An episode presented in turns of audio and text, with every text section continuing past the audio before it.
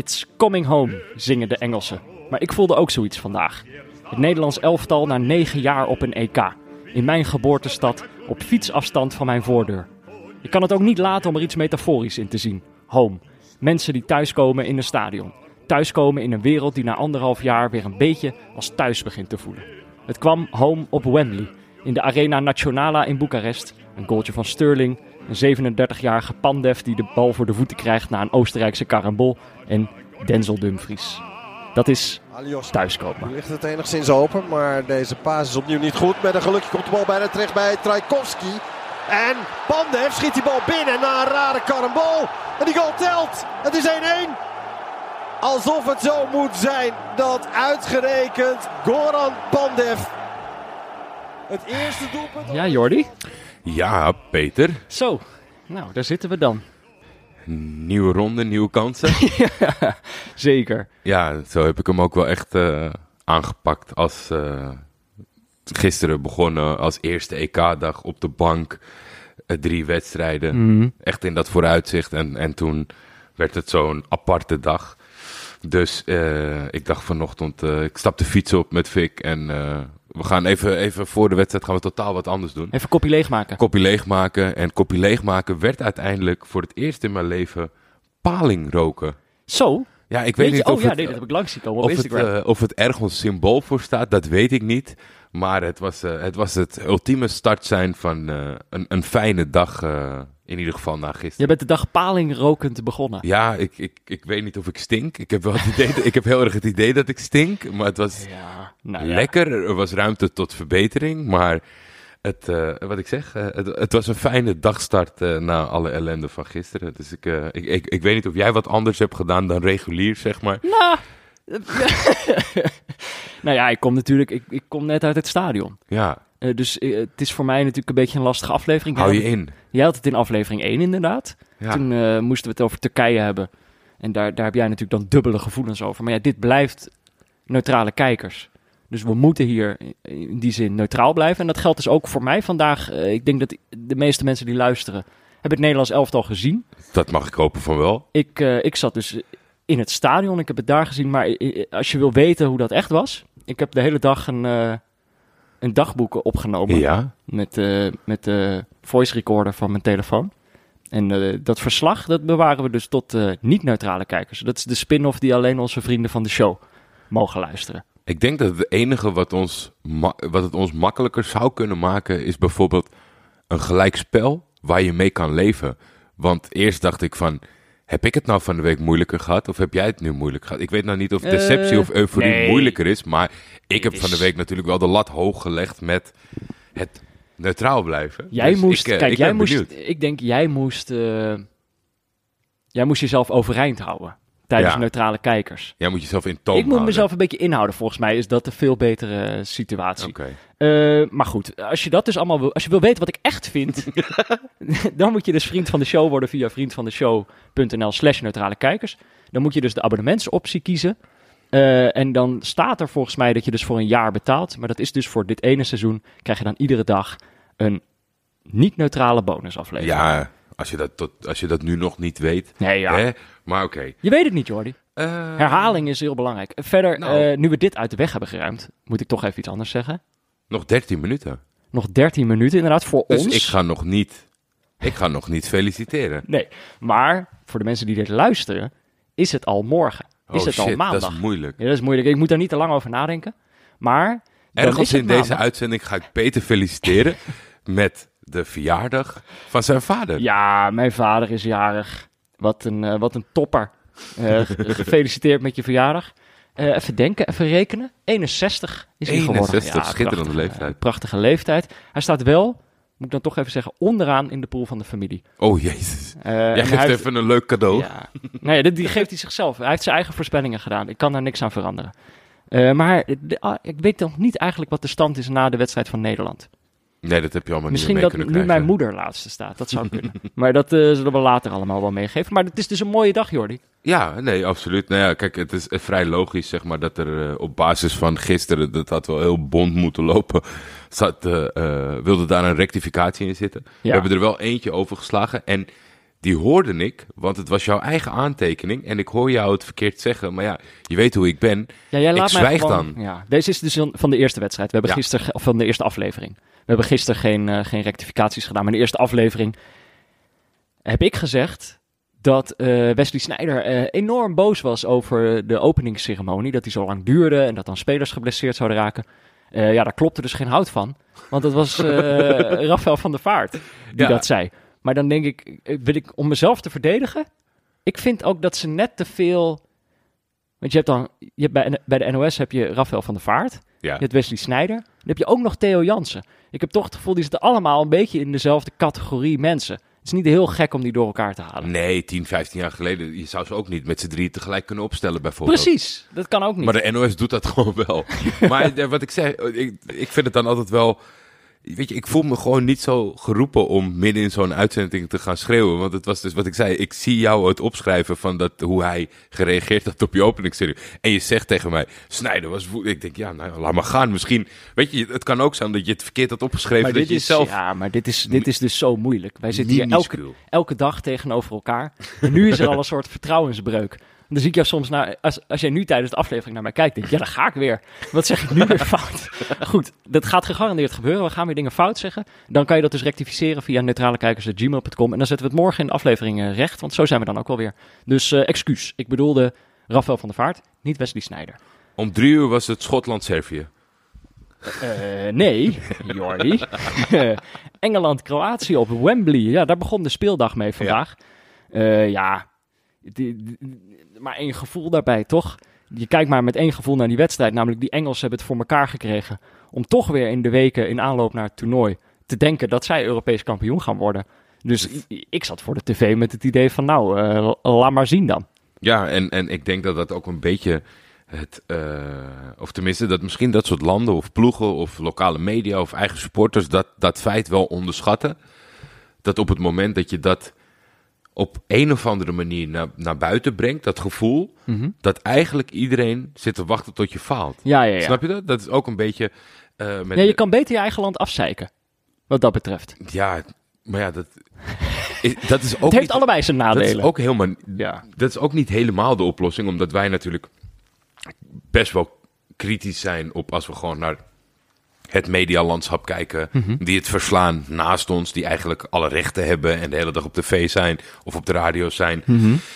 En ik denk dat Nederland bij uitstek ontzettend negatief is geweest over zichzelf. Ja. Dus dat is het ook niet helemaal. Maar om nou gewoon zonder enige aanleiding de hele tijd maar te doen alsof je het gaat winnen, is, is het ook niet. Ja, nou ja, maar zullen we dan toch op die manier even die wedstrijd doornemen? Ja, Is het coming home op basis van eh, Engeland-Kroatië? Eindstand 1-0. 1-0. Ergens eh, na 10 minuten in de tweede helft eh, was het Sterling die een, die een mooie aanval afwist de ronde. Voor de belangrijkste factor van die mooie aanval was wel dat een Kroaat mistackelde. Het, was, het was echt een mooie bal, maar ik, heb, ik had wel het idee dat met iets meer concentratie of iets betere timing dat hij hem kon onderscheppen. Ga je niet de naam Kelvin Phillips noemen? Ja, die gaf hem uiteindelijk na die paas. Gaf, dat was een beetje dat Barella-Locatelli moment. Volgens mij na die paas gaf Kevin. eh, Ik zat alweer te laat in de actie. Die gaf hem op Sterling. En Sterling ronde van dichtbij goed af. Op, eh, eh, van dichtbij op de keeper. Ehm, Engeland wel de betere partij. Dus ik denk Ja. een terechte uitslag. Zeker. Ik denk wel dat. Ik had het gevoel dat het gedurende de wedstrijd... Engeland begon namelijk best wel spetterend. Ja. Waardoor ik het idee had van, oh ja, oké. Die hebben er zin in. It's eh, coming op home. Wembley. It's coming, yeah, it's coming home. Op basis van de eerste vijf minuten. Foden knalde meteen op de paal. Eh, maar ik had het gevoel dat de twee ploegen zeg maar, gedurende de wedstrijd een beetje naar elkaar toe groeiden. Kroatië begon heel slordig, die werden steeds minder slordig. En Engeland werd eigenlijk gedurende de wedstrijd steeds slordiger. Totdat ze een beetje op hetzelfde niveau zaten en de wedstrijd niet meer echt eh, nee, opengebroken En kon was worden. best wel, ja, gewoon terecht. eh, eh, uiteindelijk, als je best wel vaak, of tenminste, als je heel veel ploegen doorneemt en een beetje van links en een beetje van rechts informatie inwint, was het best wel misschien. Ik heb het idee dat mensen heel kritisch zijn op basis van: hey, ik heb jullie voorbeschouwing gehoord. Deze wedstrijd pakt anders uit. Ja. Maar ik, ik had juist wel het idee, bij Kroatië was er niks spannends. Eh, de grote meneren stonden op, maar je zag ook dat ze gewoon in het geheel steeds minder worden en tekortkoming hebben. Modric vond ik een fantastische Ja, al die wedstrijd gasten zijn gewoon drie jaar ouder dan, eh, Ja. dan drie jaar geleden. Nee, dat exact. en ja. dat, dat, dat, dat maakt op zich niet zoveel uit. Maar op het moment dat er, dat er mensen wegvallen... en daar komt niet zeg maar in, in de aanvalslinie of in de verdedigingslinie... Iets, Nee, er stond nieuw- geen iets Mandzukic nieuws in voor het veld. Iets nieuws voor terug wat van, het, van hetzelfde kaliber is. Ja. Dan zie je af en toe nog wel de kwaliteit door. Dus weet je, Kroatië gaat echt niet af in deze pool. Maar ze komen wel gewoon tekort om, om het dit Engeland moeilijk te maken. Want Ja. dat zou wel, je zou dit Engeland best wel moeilijk kunnen maken. Ik was echt niet. Ik was er niet ondersteboven van. Ondanks echt de positieve start van de Engelsen. Eh, even kijken, er was nog een muurligger. Je voorspelde het gisteren al. Jij zei, oké, dan moeten mensen nu iets anders gaan voorspellen. We hebben de eerste twee dagen geen muurliggers gezien. En je zei, ja, dat betekent waarschijnlijk dat we er een gaan zien. En in de eerste wedstrijd, volgens mij was het ook nog in de eerste helft... eh, er was een vrije trap. Brozovic ging achter de Kroatische muur. Ja, maar het is gewoon. Hoeveel berichtjes kreeg je op dat moment? Ja, maar het is, het is gewoon echt, echt verschrikkelijk. Omdat het hetzelfde is, zeg maar, dat als je je pinpas kwijt bent... en die ga je dan zoeken en nog een keer zoeken... en dan denk je, weet je wat, laat maar gaan. Ik bestel een nieuwe bij de Rabobank. En dan vind je het. En dan, en dan ligt hij ineens ergens in het hoekje. En dat was met dit ook. En ja, het is dan zo mega voorspelbaar. En ik dacht echt van... Wij hebben in, in het clubvoetbal een trend gezien. Wij vonden dat grappig. We hebben daar veel om gelachen. Er zijn veel opmerkingen over gemaakt. Maar het is niet echt een ding. Weet je, in totaal hadden we al vier Het was zelfs eigenlijk gek dat even later was er weer een vrije trap voor Engeland. En toen ging er niemand achter de muur liggen bij Kroatië. Dus ze stapten zelf ook gedurende de wedstrijd eigenlijk... Ja, Na die eerste keer het was stapten gewoon ze voor er vanaf. ons. Het was gewoon om mij. Maar willen wij het eigenlijk bij deze column, want het gebeurde vandaag wel. Maar eigenlijk is de trend toch een beetje voorbij, voor je gevoel. Hè? ik, heb, ik heb wel het idee dat... het is al niet cool is meer. De eerste van, eh, van de drie wedstrijden. Dus dan zitten we uiteindelijk zitten we er op zeven. Ik denk dat het is, het is, het is niet zo'n blijvende trend als door de halfspaces gaan bijvoorbeeld.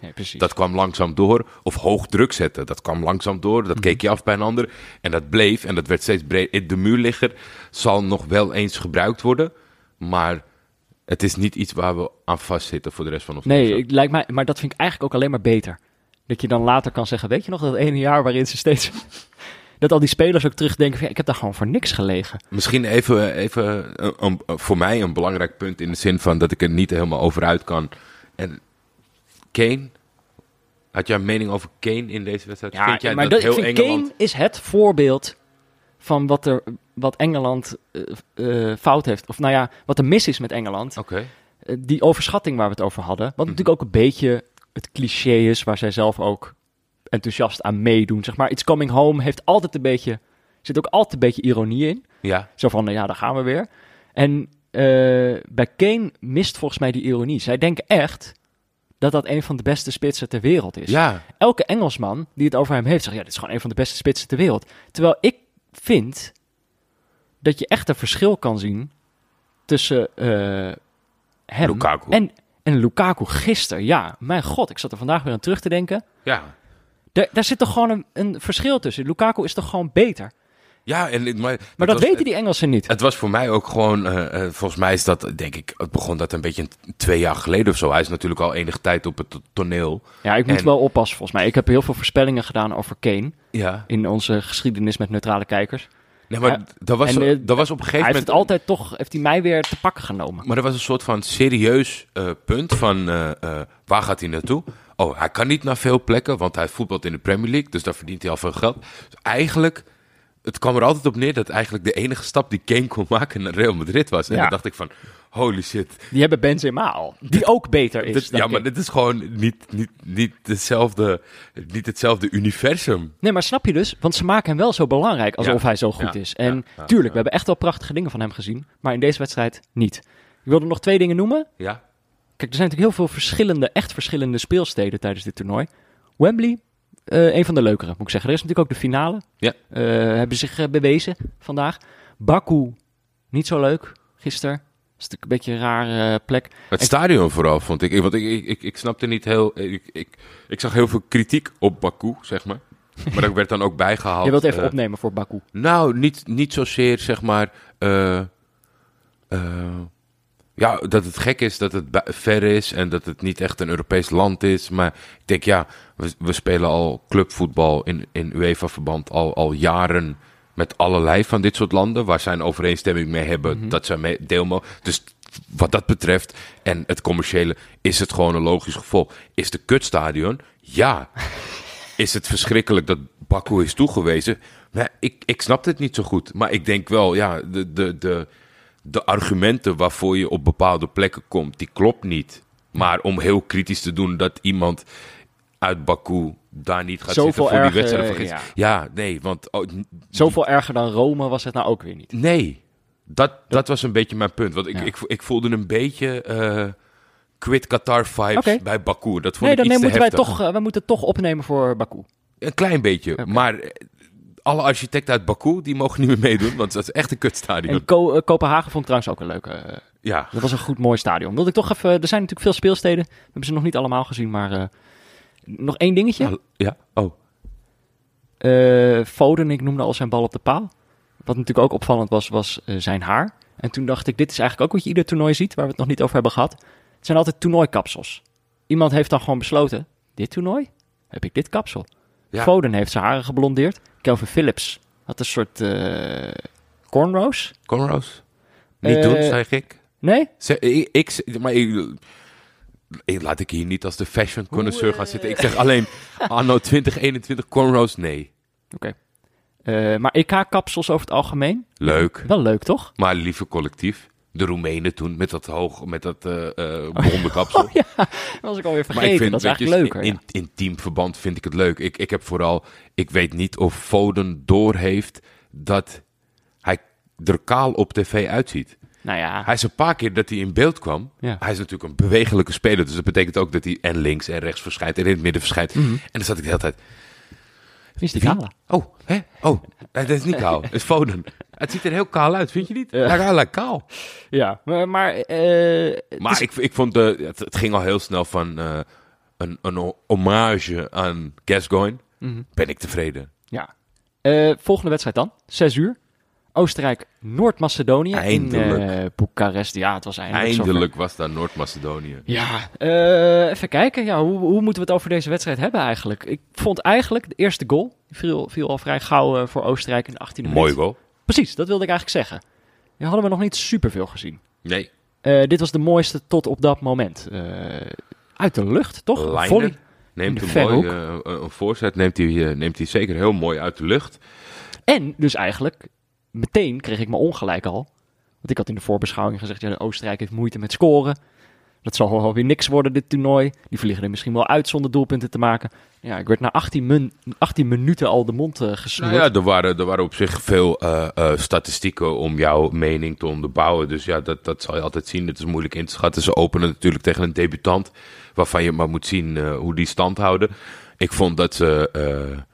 dat was natuurlijk al de verwachting dat zij leuker voor de dag zouden willen komen dan de Finnen. Nou wil ik de Finnen best wel zeg maar een soort van eh, eh, excuus geven. Ja. Omdat gisteren wel heel raar Die was. krijgen een free pass, ja. En dat ze daar gewoon wel uiteindelijk eh, echt als, als, als een team ge- geknokt hebben eh, na de traumatische ervaring. Maar je zag wel dat, eh, en dat vind ik wel leuk, want Noord-Macedonië weet heus wel dat ze niet de allersterkste zijn.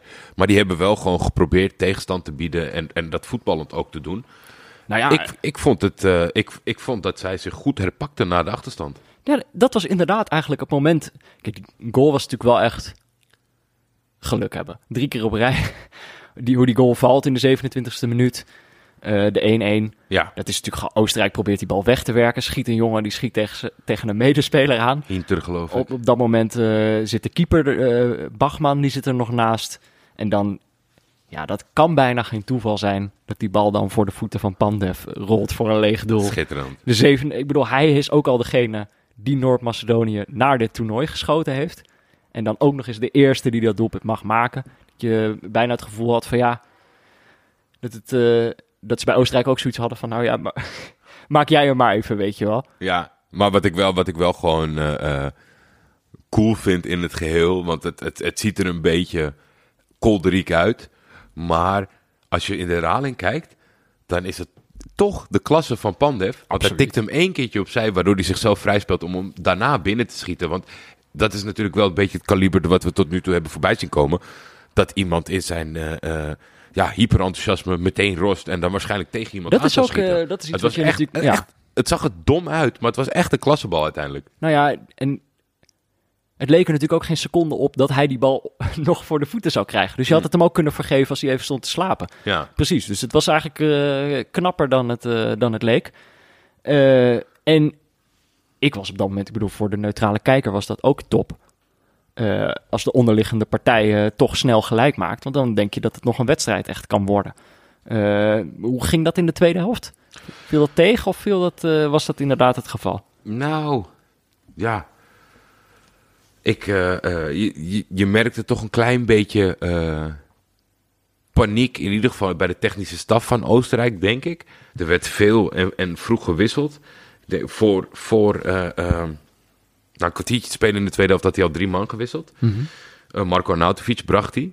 Waar, wat natuurlijk best opmerkelijk is als je naar het geheel kijkt dat hij op de bank zat. Tergd, getergd. Je, je Eh. beste spits tergen. Is misschien tactiek, hè? Baumgartner moest eruit voor, eh, voor Gregoric, ook een aanvallende impuls. En Dragovic, de verdediger, eh, die, die moest eigenlijk in de rust al binnen blijven voor Lienhard.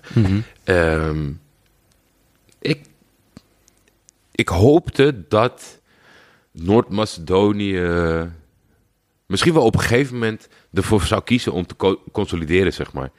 Omdat Die 1-1 pakken gewoon. ja, dat, ik, en, en dat is misschien wel hun naïviteit, maar ook wel wat ze leuk maakt. Dat, dat deden ze niet. En Oostenrijk ging steeds meer op de deur kloppen. Maar en, ja, er ging nog één gigantische kans aan vooraf, voordat het uiteindelijk 2-1 werd voor Oostenrijk. Dat was al een goede impuls, want het was volgens mij... Arnautovic stond er helemaal nog niet zo, zo lang op. Toen gaf hij hem af van Gregoric en die, die, die ging er niet in. Maar iets later wel, op, eh, op aangeven van Alaba.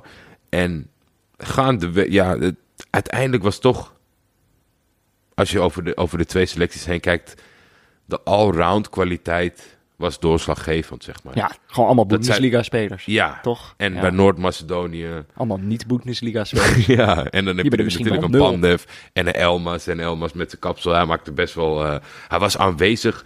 Ik vond ook Ennis Bardi vond ik echt een hele leuke speler. Van Levante, hè? Ja, maar ja, dat, eh, dat was het een beetje. En toen, eh, ja, toen kwam nog eh, de kers op de taart. Zeker voor de neutrale kijker. Want in de, in de 90ste minuut omspeelt Arnautovic de keeper. En die gaat even zijn gram halen over het feit dat de grote Marco Arnautovic niet aan het begin van de aftrap stond. Ja, je spits tergen. Het, heeft, het is een double-edged sword, toch? Ik Ja. bedoel, het- hij maakt dat doelpunt, maar je hebt wel, je hebt wel wat je, je kamp binnengehaald, zeg maar. Ja, en Toch? en het is natuurlijk Het is een ook gewoon een eh, eh, gigantisch lastige beslissing, zeg maar. Want als we, we hebben een beetje meegekregen dat eh, eh, de trainer Foda eh, een soort van de boer plus plus is in de nationale media Ja, van die had, al lang weg, die had al lang weg moeten zijn, Ja. volgens hen. Dus Ja. dan is het ook al niet lekker, want dan kan zo'n spits ze gelijk gaan halen over jou.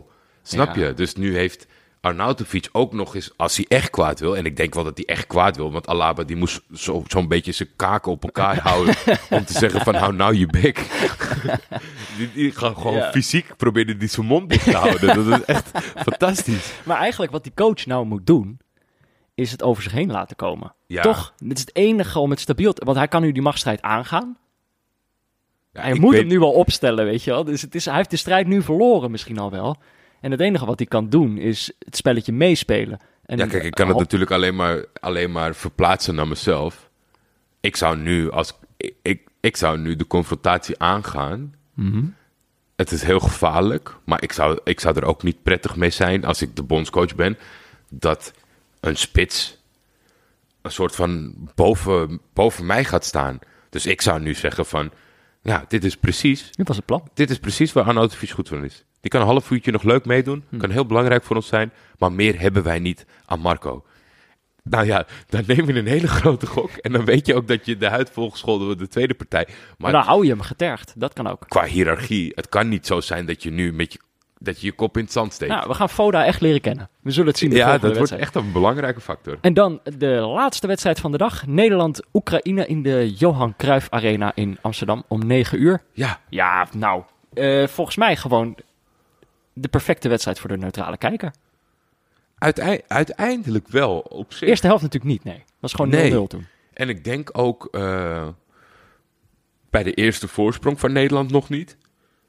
2-0 eigenlijk Maar- ook niet.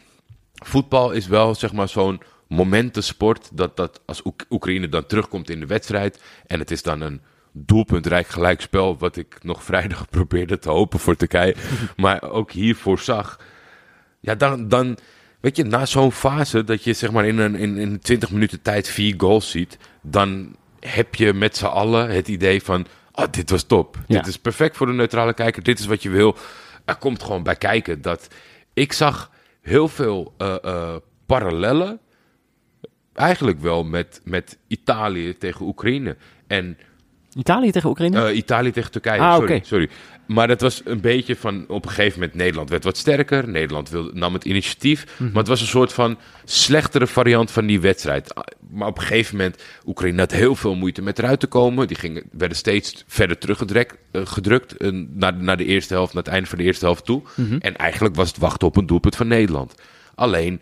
Nederland kwam iets slechter voor de dag dan Italië bijvoorbeeld. ja. En Oekraïne was individueel iets beter dan Turkije vrijdag was. Ik, ik zag heel veel parallellen met die wedstrijd, maar dan andersom, zeg maar. Eh, ja, nee, dat klopt misschien wel. Het was inderdaad eigenlijk... Door zo'n tweede helft vergeet je ook hoe die eerste helft er eigenlijk uitzag. Ja, Maar tweede helft, ik bedoel, eh, prachtige doelpunten gezien. Of eigenlijk één prachtig doelpunt. Die van eh Jarmolenko. Ja. Van, van buiten de 16 krulde die hem zo over Stekelenburg heen. Dat gewoon volgens mij eh, de spiegelbeeld, eh, en misschien is dat dan de zwakkere hoek van Stekelenburg. Eh, ik vond Ah, het ja. een- spiegelbeeldpoging Van van, Kaka. Ja. ja. absoluut. Want hij ging ook zo naar die hoek en toen tikte hij hem over de lat en die was hij te ver buiten zijn bereik. Maar ik bedoel, wat uiteindelijk was spelverloop, was ook top. Want eigenlijk bij die 2-0 had je het gevoel dat Nederland ook dacht van... nou, dit is het wel zo'n beetje. Ja, nu zijn we er wel. En ja, kan je het echt kwalijk nemen, want Oekraïne leek ook helemaal op zijn rug te liggen. Dan die wondergoal, wat natuurlijk Oekraïne veel vertrouwen geeft. Daarna een, een, een doodspelmoment waaruit een, eh, ja, die ze gewoon goed uitvoeren. Nederland denk ik niet helemaal scherp. Nee. Die bal gewoon eh, erin gekopt. En eh, op dat moment weet je gewoon niet meer hoe die wedstrijd gaat eindigen. Want je hebt net die ballen er zomaar in zien gaan bij Oekraïne. Je weet niet hoe groot die klap zal zijn bij Nederland. En ik denk wel, dat hebben we nog niet zo heel veel gezien. Een spelbeeld dat gedurende de wedstrijd nog verandert. Nee. Dat je een beetje denkt, en gewoon de laatste 20 minuten wist je gewoon niet waar de wedstrijd nog heen zou Je gaan. hebt best wel veel- top. je hebt tot nu toe best veel. En eh, nou, dat, is- dat is niet misschien helemaal, maar terechte uitslagen gezien. Waarin de aanvallende en eh, betere partij Ja. de aanval koos, beloond werd. Maar dan was het zoals, weet je, België beslist de wedstrijd snel. Engeland uiteindelijk net iets beter dan Kroatië 1-0. Maar er gebeurt in die wedstrijd niks met de, met de stand. Nee, precies. Je hebt één comeback gehad. Want dat vond ik wel echt oprecht een comeback. Hebben we het gisteren weinig over gehad. Ik vond dat Wales goed terug in de wedstrijd knokte. Zeker, ja. Dat vind ik altijd wel een pre voor een, voor een, voor een land dat zij... Voor het toernooiploeg ook, toch? Ja, maar terug, knokken in een wedstrijd is echt wel een factor. En door die wondergoal deed Oekraïne het een klein beetje. Maar ja, hier heb je natuurlijk Nou, het ja. ultieme heen en weer gehad. Wat, Maar ik denk eigenlijk ook waarom ik eh, als neutrale kijker ook eh, blij mee ben, is dat Oekraïne ook genoeg hoop uit deze wedstrijd kan halen. Zeg maar, die hebben gewoon, die gaan met het gevoel naar huis van, nou, we hebben echt wel even weerstand geboden. Het had gekund, weet je wel. Dus die hebben ook het gevoel van, er moet misschien nog een tandje bij. We moeten niet zo bang zijn. Het had gewoon gekund. Het was natuurlijk, als het 2-0 was gebleven, namelijk, wat gewoon had gekund. Als die wondergoal ja, niet was gevallen. misschien Dan minder. waren zij- eh, minder dan heb je een uitzichtloze positie van... eh, nou, en we waren niet sterk genoeg en we hebben 2-0 verloren. Dus hoe gaan we dit be- verbeteren? Ja, terwijl nu heb ik het gevoel, Ja, Nederland heeft nog eh, genoeg om aan te werken. Frank Snoek zei eh, eh, bij het wedstrijdcommentaar... Hier heb je meer aan dan een 4-0. En dat weet ik niet helemaal.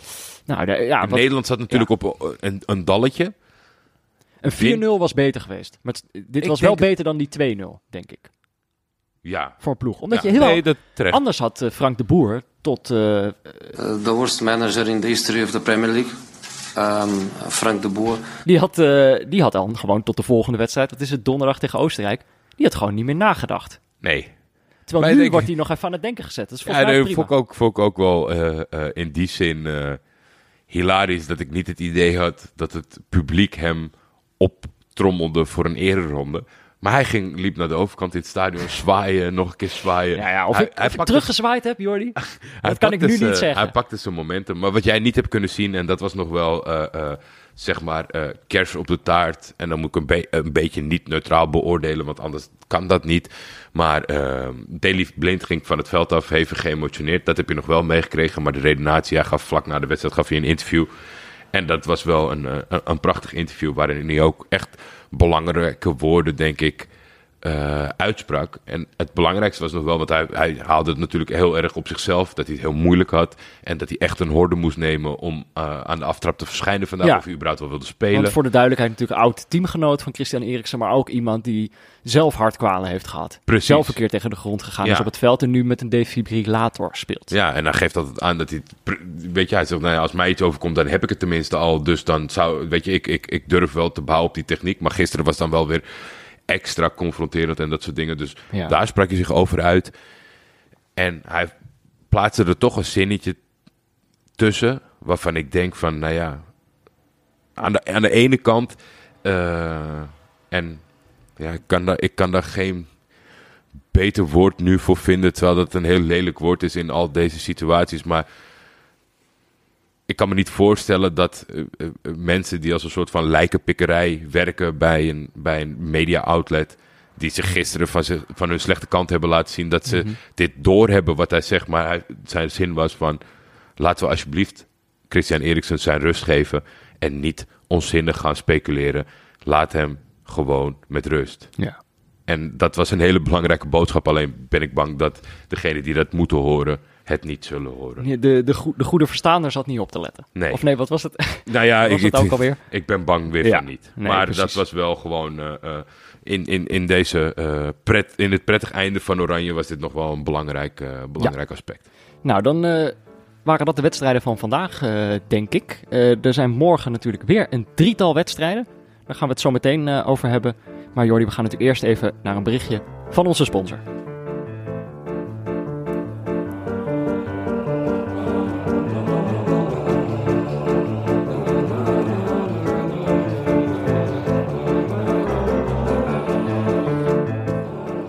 Ja, want ook deze aflevering van Neutrale Kijkers wordt natuurlijk weer mede mogelijk gemaakt door Auto.nl. Auto.nl heeft deze zomer het perfecte autorijnummer laten maken door Tim Knol. Maar de neutrale kijker die zit natuurlijk gewoon vooral thuis op de bank voetbal te kijken.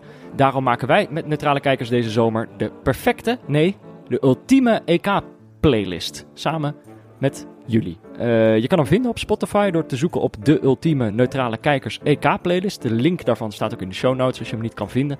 Tussen Eh. EK en playlist een middenstreepje. Volgens mij is dat, eh, als, je, als je gewoon... Is dat in- cruciaal? als je nu zit mee te schrijven, volgens mij wel. Oké. Wat heel gek is natuurlijk op zo'n lange naam, maar volgens mij is dat cruciaal. Oké, het, gaat als volgt. Er staan tien liedjes in.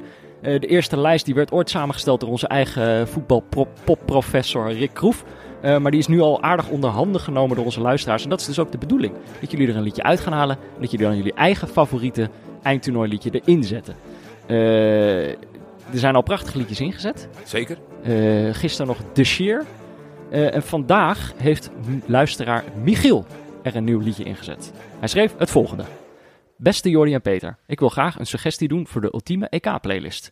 Om te beginnen mag Viva Colonia eruit. Dit is goed, hij begint eerst met het liedje dat eruit moet. Eh, Ik heb vanochtend Colonia. nog iemand teruggemaild die gewoon om, om 7 uur al in de pen was gekropen om zijn liedje eh, eh, te opperen. Nick, Mhm. Nick Bosma was dat, geloof ik. Maar die was, weet je, mensen zijn er zo enthousiast van dit liedje en dat moet je daar en daarvoor doen. Nee, maar, die was ook- weer vergeten. Er moet er ook één uit. anders past hij er niet bij. Ja, Er kunnen er maar tien in. ja. Eh, dus Viva Colonia gaat eruit. Het liedje wordt, eh, moet moven. Er waren meer mensen die die niet, eh, die mochten, dus die gaat eruit. Hij zegt, Michiel zegt ook, die kan ik niet horen zonder Wolter Kroes voor me te zien. En dat lijkt me reden genoeg. Dan zou ik graag Forza van Nelly Furtado willen toevoegen. Natuurlijk, Heerlijk. ja, ik heb hem vandaag al tien keer geluisterd. ja, ja, ja, ja. En natuurlijk het themalied van het EK 2004 in Portugal. Een toernooi met soms afzichtelijk voetbal, maar, waar ik, maar waarbij ik wel bij mijn toenmalige werk de pot heb binnengesleept. Omdat ik als enige zo gek was om Griekenland als kampioen in te vullen in de EK-pool. Met vriendelijke Respect. groeten, eh, Michiel van der Meent.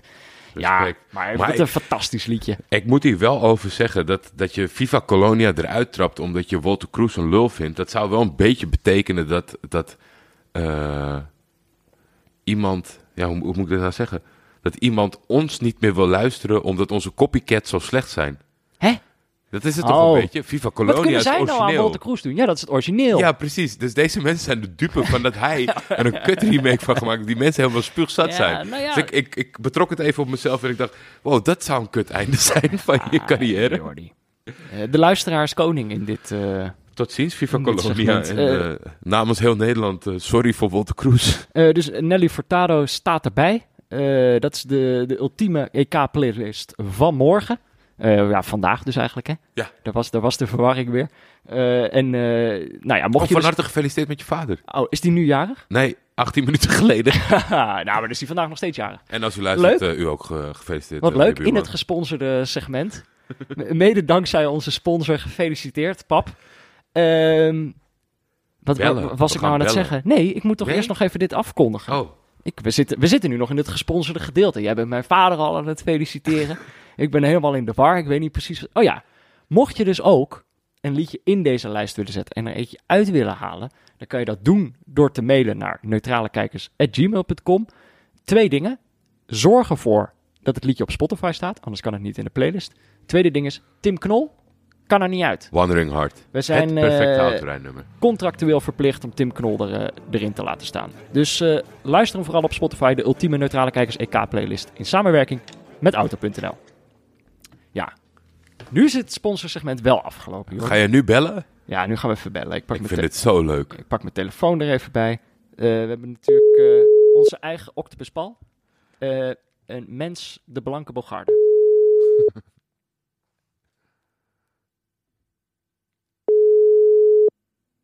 Hey jongens. Hallo, onze nou- Noord-Macedonië-watcher in zak en as.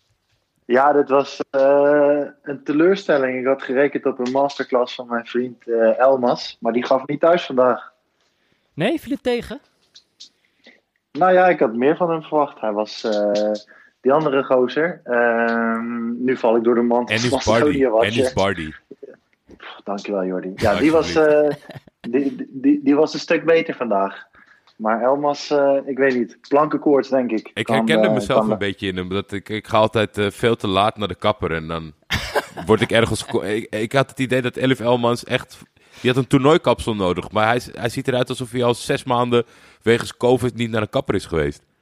Ja, iemand op Twitter noemde hem een bootleg Daniel de Ridder. Toen dacht ik, nou ja, Ja, als, je je ja. ogen, als je je ogen samenknijpt, dan, dan zie je het wel. Maar wel mooi man voor, eh voor Pandef. Ja, dat was een Dat mooi was, moment, hè? eh, Dat hebben ze ook goed, dat, eh, ze hebben goed gejuicht. Dit vond ik misschien wel het beste juichen tot nu toe.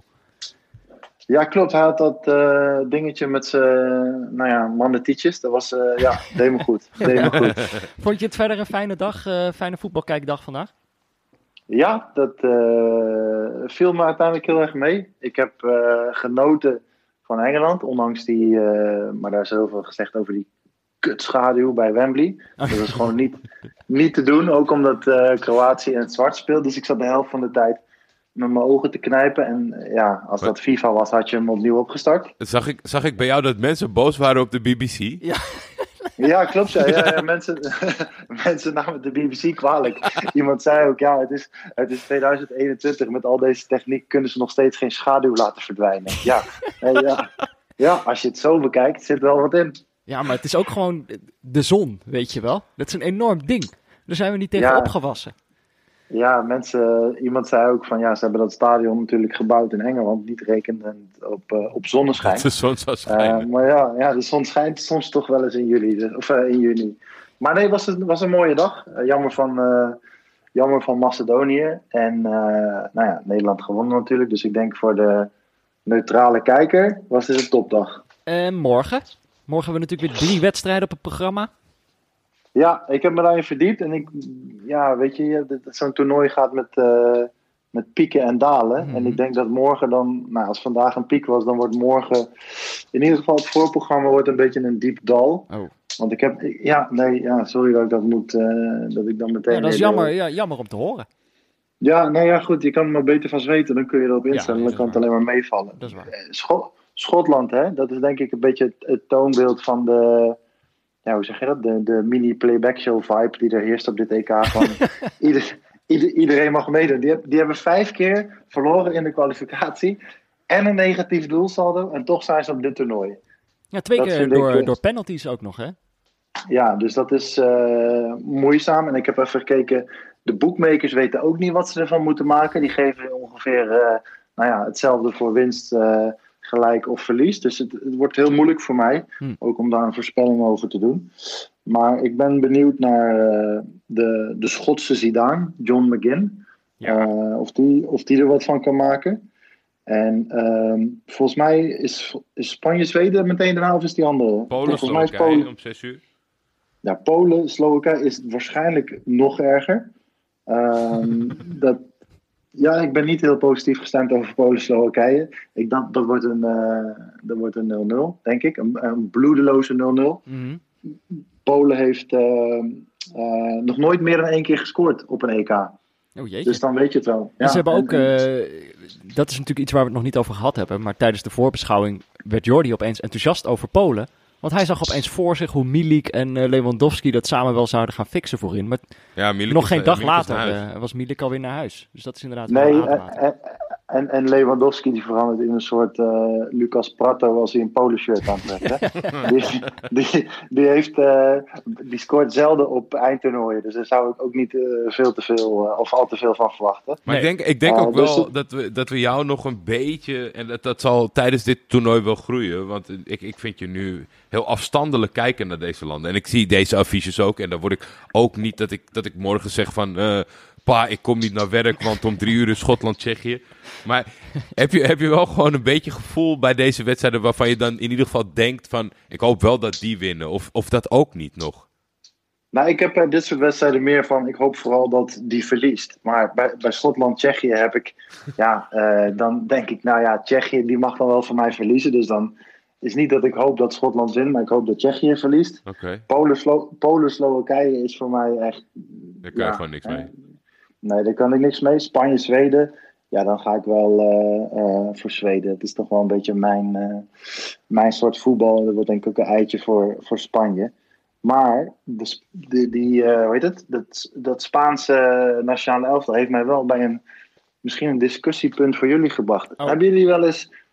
Worden er nog wel eens afstandsgoals gemaakt op dat soort toernooien? Vandaag nog, toch? Die van Jarmolenko, was die, niet, was die niet ver genoeg voor je? Nee, die vond ik niet heel. eh, nee, dat, dat Ja, was jij bedoelt niet echt eh, Olysee eh, middenlijn. Ja, precies. Want deze van Jarmolenko, of, Jarmolenko was ook echt zeg maar, randje, randje 16. Ja. Maar Spanje, Spanje heeft de laatste afstandsgoal gemaakt, zeg maar buiten, buiten de 16. Dit is bijna een quizvraag. Weet jij dat, Jordi? Ik, ik verwacht wel enige Oei, kennis van jou hier. Doe een 2002? gokje. Nee, vroeger nog. Jezus. Ja, sorry, maar dan, zit je gewoon voor mijn geboortejaar nu al. Ja, maar dat- dan, dan ik, ik volgens mij, ik weet niet eens of ze erbij waren in, vier, dan, in 94, weet ik het gewoon oprecht niet. Dan is 98 mijn laatste gok, want verder kan ik niet terug. Nee, het, het was Raúl in 2000. Maar dat is toch niet normaal? Dat was de laatste... Dat was van Spanje dan, hè? Maar dat is de laatste... Maar zij zijn lekker tiki-taka, hè? Tiki-taka gaat door tot in de 5 meter. Hé, maar Ja, klopt. wat is nou eigenlijk het discussiepunt dan? Want we zijn nu gewoon in een soort quiz, quiz beland waarvan ik de antwoorden niet weet. Nou, mijn discussiepunt is: hebben de, de, de, de statistiek jongens niet de afstandsschoten kapot gemaakt? Want jij wordt tegenwoordig als, als, als voetballer, word je bij wijze van spreken al bij je enkels afgezaagd als je gaat aanleggen vanaf 20 meter. Mhm. Dus ik kan me voorstellen, die jongens zitten ook op social media, dat die denken: van ik ga ook niet meer aanleggen, want dan heb ik, eh, nou ja, eh, iedereen achter me, achter me aan. Het, het mogen duidelijk zijn dat in de, in de praktijk dat je een hele sterke persoonlijkheid moet hebben, wil je nog aanleggen. Het, het, het voorbeeld is natuurlijk Ziyech, die het ongeacht elk artikel waar het in aangehaald werd, bleef doen. Maar ja, daarbuiten. Maar ik denk ook gewoon dat, dat eh, de statistiekboys zijn ook gewoon een soort van weerspiegeling van de coaches en hun keuzes, zeg maar. Guardiola zegt gewoon niet doen.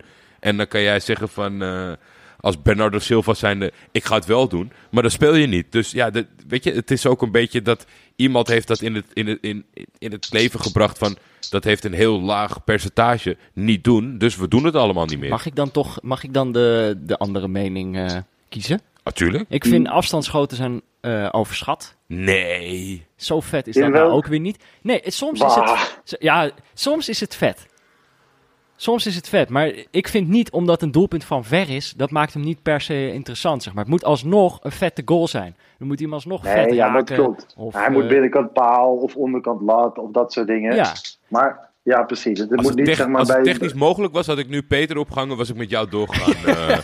Ja, ik zat ook te twijfelen hoor, moet ik Maar Nee, maar eh, oké, nog, maar het het punt is natuurlijk dat het percentage ervan ook laag is. Dus eh, voor ieder eh, afstandsschot dat er lekker ingaat, zit je ook naar 20 schoten te kijken waarvan je denkt, wat doe je nou man? Die aanval had veel mooier kunnen zijn. Je bent gewoon wat moois aan het verprutsen omdat jij denkt dat je, dat je vanaf 30 meter Ja, maar, kan scoren. maar boos Nee, word Daar ik word ik ja, ook maar dat- boos van. Ja, maar zo'n dat is ook een beetje het probleem. De, de, de- eh, misschien is het niet alleen verpest door de statistieken, jongens, maar ook door de. Door mij. Ja, ook door, maar ook door de, zeg maar de, de rechts- en de linksbacks die dan gaan aanleggen voor een schot waarvan ze weten dat ze die nou ja, uit de honderd pogingen eh, niet eens één keer richting doel krijgen. Ja. Maar er zijn toch nog genoeg spelers die gewoon een ontzettende knal in hun poten hebben. Die in ieder geval een, een, een noemenswaardige poging kunnen doen waarvoor je ook oe en a kan roepen. Behalve Ja. eh, nou ja, in Maar plaats goed. van dat je ze ga- gaat vervloeken. Wembley goed, is dat nog is, eh, ver, hè? Het kan nog. Ja, ik ja, dat ik- klopt. Maar ik, wil wel zo ver ik- gaan als. Ja, ik, ik wilde je net iets aanbieden, Jordi. Oh, vertel. Ja, ik wilde zeggen, als, als Spanje een keer scoort van buiten de 16, dan Ja. neem, ik jullie mee, eh, neem ik jullie mee uit eten. Want dat, bij Spanje gaat dat niet gebeuren. Dus dan hebben jullie ook wat. Is dit genoeg motivatie voor Sergio Busquets? Dat is waar de vraag. Ja, ik weet niet of hij nog kan schieten met die corona, ja, het is een eh, corona achter de. Het is natuurlijk, want daar hebben we het helemaal niet over gehad. Maar het is een beetje, eh, toch, heeft, heeft dit duel, is het, het corona-duel. Kan niet anders. Ja. De Zweden had het te maken met twee. Spanje heeft volgens mij een heel eh, interim elftal in Spanje. Dat gedrild is en klaar staat om ingevlogen te worden als, als het anders uitpakt. Ja. Maar ja, nu is volgens mij de laatste dagen is rustig. Dus eh, ik. eh, Nee, ik ben op, maar ik merk wel, door deze aanbieding ben ik opeens een stuk minder fan geworden van afstandsschoten. nog minder. Ja, toch nee. Nog Stuk meer, minder, wat? meer fan. Meer Oh ja, ik wou zeggen, Sorry, ja. dus ik zei het misschien verkeerd. Nee, eh, nu eh, lekker knallen, jongens. Ik, eh, ik wil wel uit eten. Lijkt me wel gezellig. Dus eh, we gaan Nou, het daarop mikken Dus- morgen. Dat is, eh, ja, dat is jullie eh, eh, reden om te juichen morgen. Of niet? Ah, heerlijk. Ik kijk er al naar Ik uit. hoop dat je door het stof moet morgen. Dat Polen-Slowakije een, een 6-3 wordt om je, om je... Ik denk ook dat Schotland-Tsjechië gaat ook verrassen. Als er, als, Dus er hebben iemand even- is die, als er iemand is die zijn excuses aan moet bieden, is het Peter die zegt dat afstandsschoten moi zijn. Dat vind ik echt, eh ja, je, eh, vind nog die- wel een... Hier gaan we gewoon Dus niet ik- Ik uitkomen. vind dit een goed punt om, om morgen, met de wetenschap van morgen, op terug te blikken van Hier gaan we gewoon nu niet uitkomen. wie er sterker voor staat. Ik denk gewoon, het is beter voor ons allemaal als we gewoon zo meteen naar bed gaan en morgen met een frisse blik. Dan zullen jullie ook zien dat ik gewoon gelijk heb. Nee. Zullen we daar dan zullen dus, Er- ja, er laten ligt we hier de, de strijdbel voor nu begraven. voor, voor jouw idee, hè, om zeg maar de setting met Peter eh, te duiden, er ligt hier nu een schuime klomp op mijn tafel. Dus dan weet je wel waarom deze jongen onhandelbaar is in deze discussie. Oké. Eh, inderdaad, ik ben on- onhandelbaar, dus we zullen jou ook maar even met, eh, met rust laten. Slaap lekker en dan bellen we je morgen weer. Is goed. Doei, doei. rusten. Later. Oké, Jordi. Eh, de neutrale kijkers Sebon notenkraker van de dag. Elke dag een vraag om dat eh, nootje in je koppie te laten kraken. Eh, voor deze speelronde had jij de vraag op Twitter gegooid.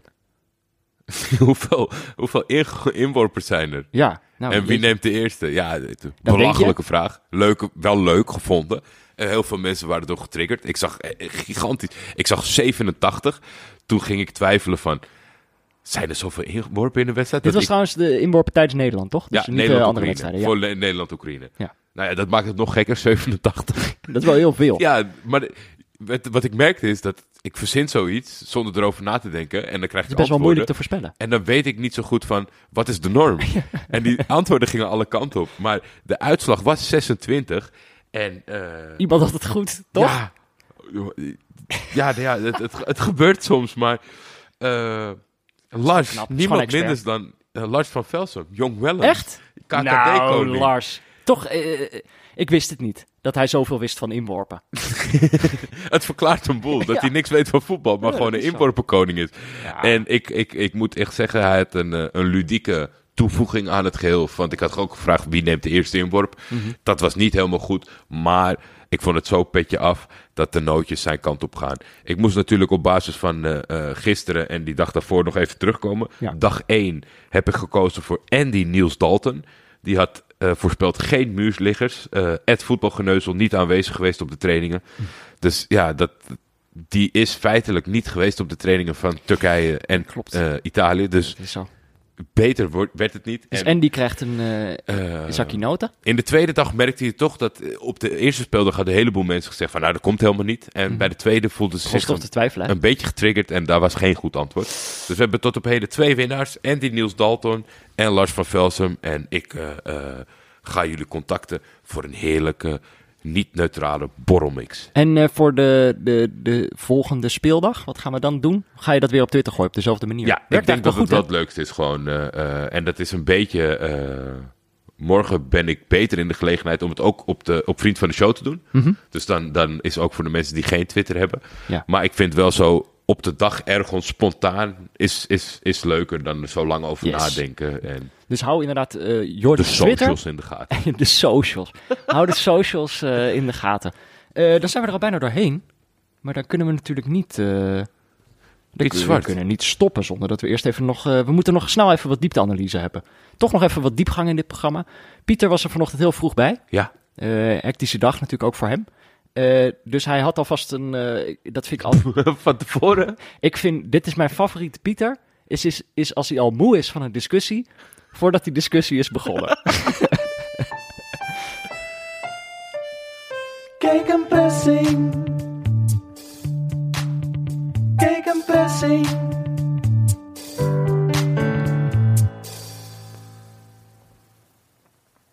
Op het moment dat jullie deze minuut uitzenden, is heel Nederland zich weer druk aan het maken over 5-3-2. En Christian Eriksen vergeten. Bij een overwinning is er waarschijnlijk kritiek op het veldspel. Dat Oekraïne stelde niet zoveel voor. Dus waarom kon hij niet met 4-3-3? Komt de overwinning tot stand na het schakelen naar 4-3-3, dan is het helemaal feest. Want dat moest dus in 2014 dus ook steeds. Dat het in de realiteit slechts twee keer gebeurde, notabene zeggen de zwakste broeders die Nederland dat toernooi trof, dat is een feitelijk detail waar je ons zeven jaar na dato niet meer mee moet lastigvallen. En over de 4-4-2 van 1988 moet je zeker niet beginnen. Bij een gelijkspel of nederlaag heeft Frank de Boer het gedaan. Zelfs met een vliegtuig was hij niet tot bezinning te brengen. Een schande. Die discussie zegt meer over het bedenkelijke niveau van het praten over voetbal dan over het systeem zelf. In Duitsland worden voetballers vanaf de jongste jeugd opgeleid in verschillende formaties, zodat coaches kunnen schakelen als dat helpt om spelprincipes beter uit te voeren. Hier ontstaat massahysterie als één keer van formatie gewisseld wordt. En de uitslag wordt gebruikt om te bevestigen wat je toch al vond. Wat meer nieuwsgierigheid kan soms geen kwaad. Kijk een pressing. Kijk een pressing. ja, Meestelijk. Meestelijk. Ehm, Lullig, lullig vliegtuigje, hè? lullig vliegtuig. Heb ja. je dat eh, meegekregen? Ja, ik kan er niks over zeggen nu. Oké. Dat eh, kan ik alleen maar zeggen in de Ah, aflevering ja, van wel? niet-neutrale Oh, je- kijkers. Ja, oh, nou, dan kijk ik Weet ik niet hoor. Ik heb niks voorbereid over het vliegtuigje, maar dat is allemaal natuurlijk ongescript. En, eh, Ik maar ga dat- wel het vliegtuigje afzeiken. Oké, maar dat doen we dan zo meteen in onze spin-off niet-neutrale kijkers, speciaal voor onze vrienden van de show. En dan ga ik nu toch eventjes de aflevering afkondigen eerst. Nou ja, het was wel weer een mooie speeldag, toch? Zeker. Eh, we Fijn, kunnen er weer eh, Om tegenaan. zo terug te komen. Ja, schouders eronder. We kunnen er weer tegenaan.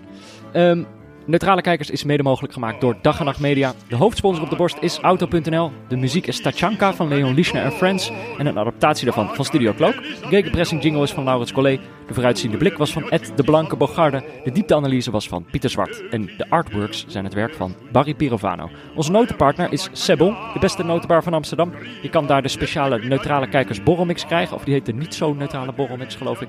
Om lekker op te knabbelen tijdens de wedstrijd. Wil je meepraten? Dat kan. Je kan ons volgen op Twitter via buurtvader of @vef. Je kan ons mailen op neutralekijkers.gmail.com. Of je kan een berichtje achterlaten op vriendvandeshow.nl slash neutralekijkers. Ehm zie ik je morgen, Jordi? Zeker tot morgen, maar niet voordat ik weer, want dat heb jij misschien onderschat, een waslijst aan nieuwe vrienden van de show. Oh jeetje. ja, maar dat moet. Zijn ze weer? Dat moet. Want Nee, het is een stukje waardering van ons naar hen toe. Nee, maar ik heb daar helemaal geen tegenzin. eh, Oh, nee, nee. dat fantastisch. nee, dat, maar ja, eh, eh, laat ik weer een hap lucht nemen. Want Mhm. eh, net als de vorige keer zal het een pittige klus worden. Ted van Arnold, Ave, Greetje, Ramon, Hammond X, El Salvador, Memphis de Paard. Jezus. Soms kan je het gewoon niet zien, hè? En dan lees je het op en dan denk je, oh mijn god. Nee, daar gaan we weer. Nidia, eh 0 Stress 30, Arjen Kruithof, Robert, Reinoud, Jacco, Laagvliegende Kiep, Kai, Arjan Oosthoorn, Sjors, Tanner, niet Willem-Jan de Twaalfde. Niet, hè? Nee, het is hem niet. Ik hoopte zo dat het Willem de Twaalfde was. Boykesters, eh Ridder Schobin, meneer Holger en Koen. Welkom bij de club, jongens. En dank jullie wel. Fantastische club. Een van al deze mensen was mijn moeder. Ja? Ja, Nou, dan was het Greetje. is... eh, eerst was ze... Ja, Toch? ja. Je bent- ga je nou mijn moeder doxen? Sorry, het was niet Eerst, eerst al moeder en nu ook nog vriend. Wat een dag. En mijn vader is jarig. Wat een eh, geweldige dag. Wat fijn dat jullie allemaal onze vrienden zijn. Ik waardeer deze altijd. vriendschap extra. En dan mag ik nu gaan zeggen wat ik echt van Nederland vond. Met live verslag vanuit het stadion, Jordi. Ja. Dus mocht je dat willen horen, dan zien we je bij Niet-Neutrale Kijkers.